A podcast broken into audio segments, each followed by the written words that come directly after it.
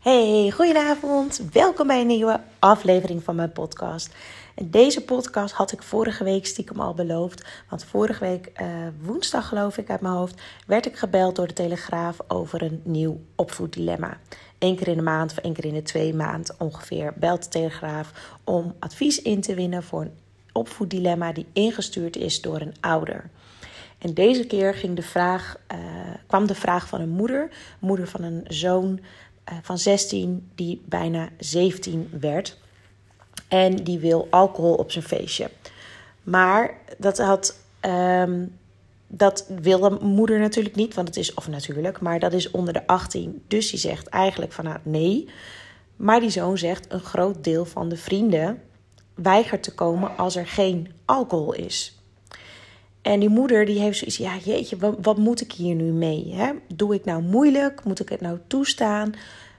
Wat moet ik doen? Want ze gunt haar zoon ook natuurlijk een leuk, uh, leuk feestje, een leuke verjaardag.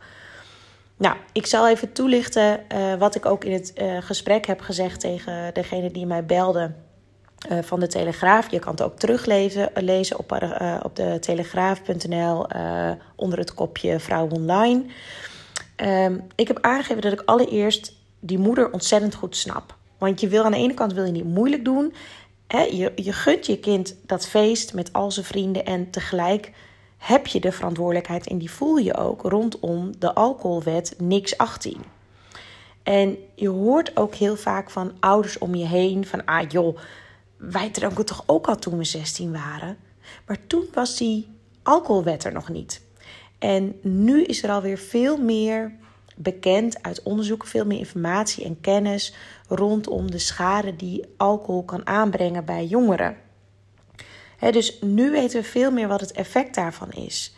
En wat het nog extra lastig maakt, is dat er heel veel ouders niet moeilijk doen en alcohol toestaan of uh, zelfs het zelf geven aan pubers. En ook heel vaak met de opmerking: ja, ik heb liever dat ze het thuis doen, dat ik er zicht op heb, dan dat ze het ergens in een, in een keet doen of iets dergelijks, waar ik totaal niet weet wat er gebeurt.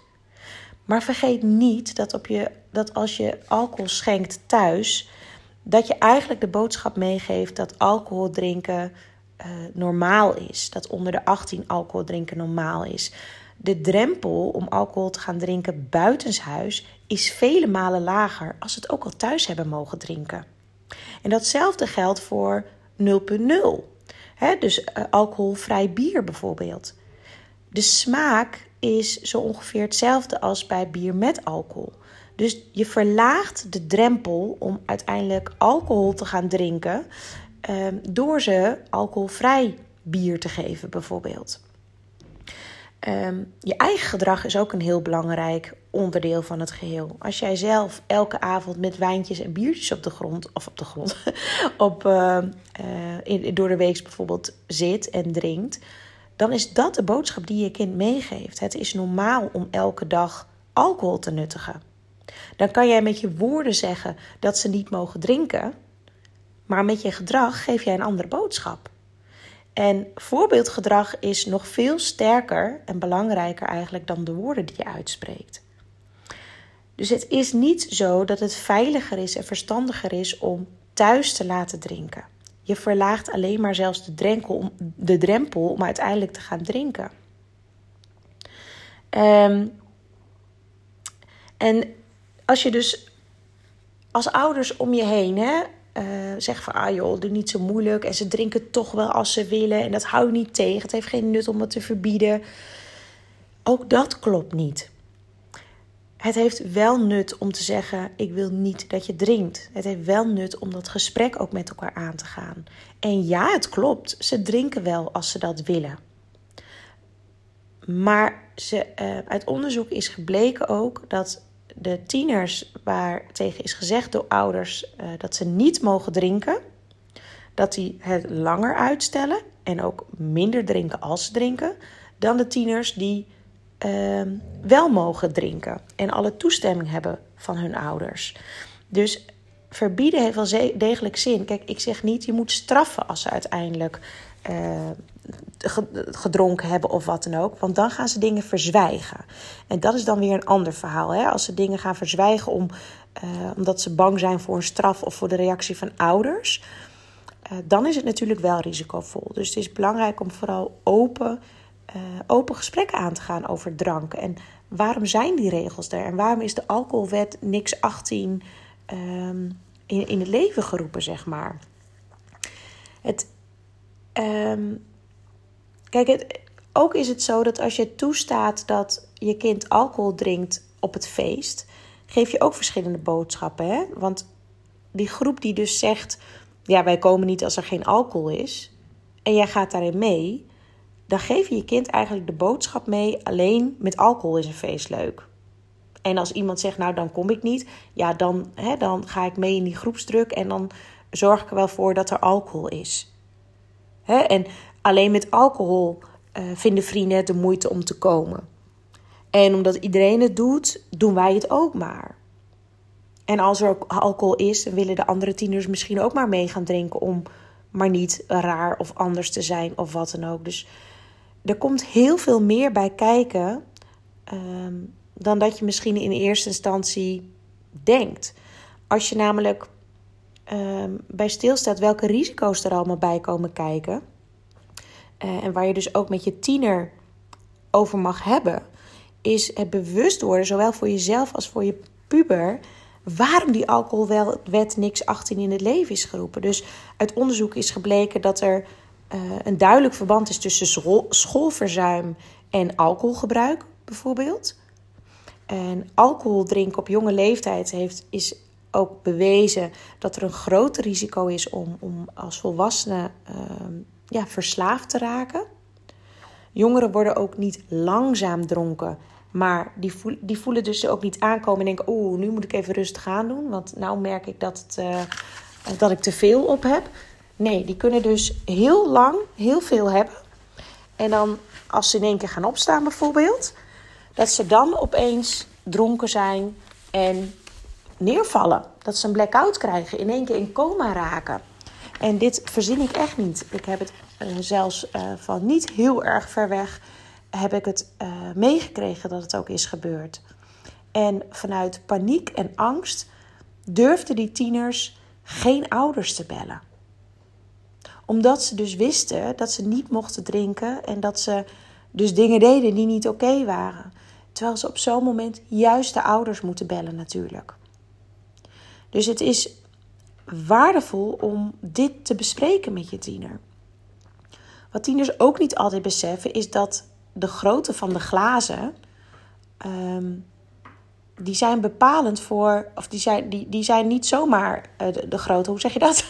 Kijk, als je gaat mixen bijvoorbeeld met drank, dan pak je een long drink. Maar een long drink is niet gemaakt voor alcoholdrankjes. Um, dus een sherryglas is klein, omdat er meer alcohol in, een, uh, in, in, zit, zeg maar. Meer, een hoog percentage alcohol. En zo, daar zijn de glazen op aangepast. Maar wat doen tieners? Die gooien het alcohol overal in alle glazen. Die denken er helemaal verder niet bij na. Dus er zijn gewoon ontzettend veel uh, risico's. En wat ook gevolgen zijn door alcohol, is dus dat je uh, meer een verdoofd gevoel krijgt, waardoor je dus je grenzen minder voelt. Dat betekent dus ook dat als jij um, als tiener hebt gedronken, uh, dat je sneller zomaar beslissingen neemt, waar je niet goed over nadenkt. Dus er is ook een verhoogde kans op seksueel overschrijdend gedrag. Je reactievermogen is veel minder goed met alcohol op.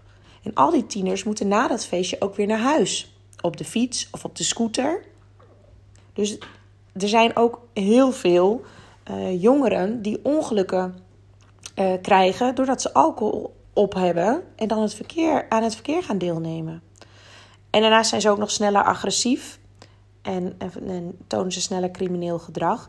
Dus alcohol is niet zo onschuldig als dat wij als volwassenen, of wij, ik niet persoonlijk, maar in eerste instantie verwacht of denkt. Dus mijn advies aan deze moeder was dan ook: blijf vooral in gesprek met je puber en hoe ze het voor hem of, hè, of haar. Uh, dat sommige vrienden dus zeggen van ja, als er geen alcohol is, dan kom ik niet. Hoeveel zijn die vrienden waard voor deze tiener? Wat, wat zeggen ze dan eigenlijk? Komen ze dan voor jouw verjaardag? Komen ze voor de gratis drank? En hoe zeg je nee tegen drank?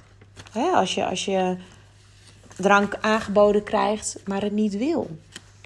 En, en je kan ook met elkaar andere alternatieven bedenken. Hè? Bijvoorbeeld mocktails maken. Dat zijn cocktails zonder alcohol erin. En je kan smoothies maken. Je kan uh, een eetkraam huren als je wat groter wil uitpakken.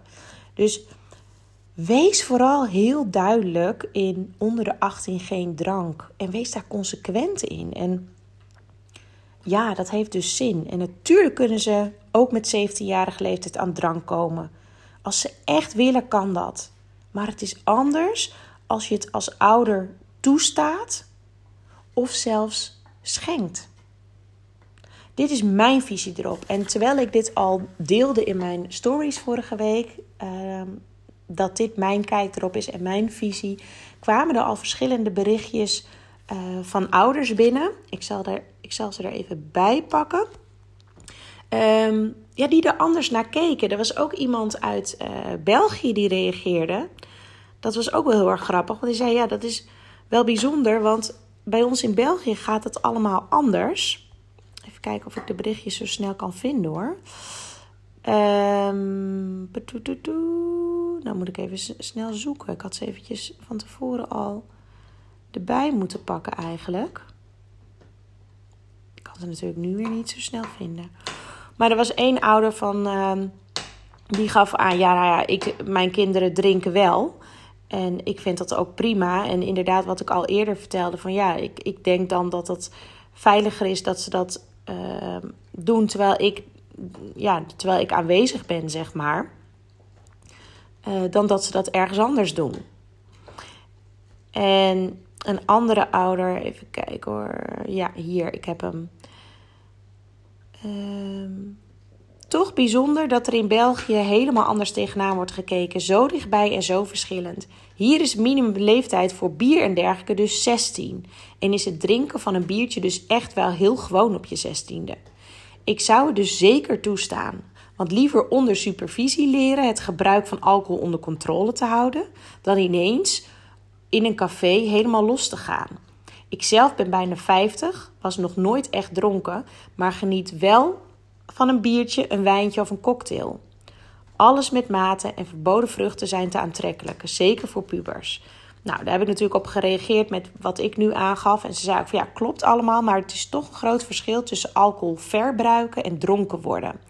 Of zelfs maar aangeschoten zijn en echt wel minimaal drinken en het leren aanvoelen waar je eigen grens is volgens mij. En het bijzondere is dat we dit dan dus verwachten als ouder, maar dat kunnen ze dus helemaal niet. Zij kunnen dat niet aanvoelen, want dat gaat dus in één keer heel snel. Dus dat vind ik ook wel weer heel interessant, dat wij verwachten dat ze dat kunnen aanvoelen, wat dus, uh, ja, wat dus niet zo is. En dat is een van de risico's. Dat ze dus denken van, oh nou, ik, ik stop wel op tijd. En, en dan, dan weet ik wel wanneer het genoeg is geweest. Maar wat is op tijd, hè? Dat is dan de vraag. Weet jij wat op tijd is? En hoe voel je dat? En hoe herken je dat? En ik zal nog eventjes dat andere berichtje snel erbij zoeken. Als ik dat zo snel voor elkaar krijg. Misschien haken jullie al af terwijl ik aan het zoeken ben. Hier heb ik hem. Um, iemand zei: ze doen het toch wel als ze het willen. Je kunt het verbieden, maar je wilt ze niet opsluiten. Je bent er niet bij en ze moeten ook lekker uitgaan en ontdekken als ze eraan toe zijn. Praat er open over lijkt me belangrijker dan verbieden en stiekem gedoe. Nou ja, daar heb ik ook op gereageerd. Um, ik vind het gewoon grappig om te zien, hè, zonder oordeel, hè, over dat, dat mensen deze kijk erop hebben. En besef ook dat tieners nog moeite hebben met grenzen aangeven, aanvoelen, herkennen. Daar hebben ze echt ook nog volwassenen voor nodig. Um, ja, dus dit is niet om jullie de les te lezen, uiteraard. Dit is puur als informatief, um, informatieve podcast bedoeld over waarom de NIX 18 uh, alcoholwet er is. Ehm, ja, en uit onderzoek wat er is gebleken. En je belemmert dus de ontwikkeling van je tiener. je, je ontwikkeling gaat gewoon minder goed door als je al op jonge leeftijd alcohol drinkt. Ja, en als je dit allemaal op een rij zet, ja, ik denk dan, dan moet je je kind dus niet toestaan om alcohol te drinken. Niet waar jij bij bent, niet op het feestje thuis. Los van ook nog de verantwoordelijkheid die je voor al die andere tieners hebt. Alright, ik rond hem af. Ehm, ik hoop dat je hier wat uithaalt. En spreek jullie later. doei doei.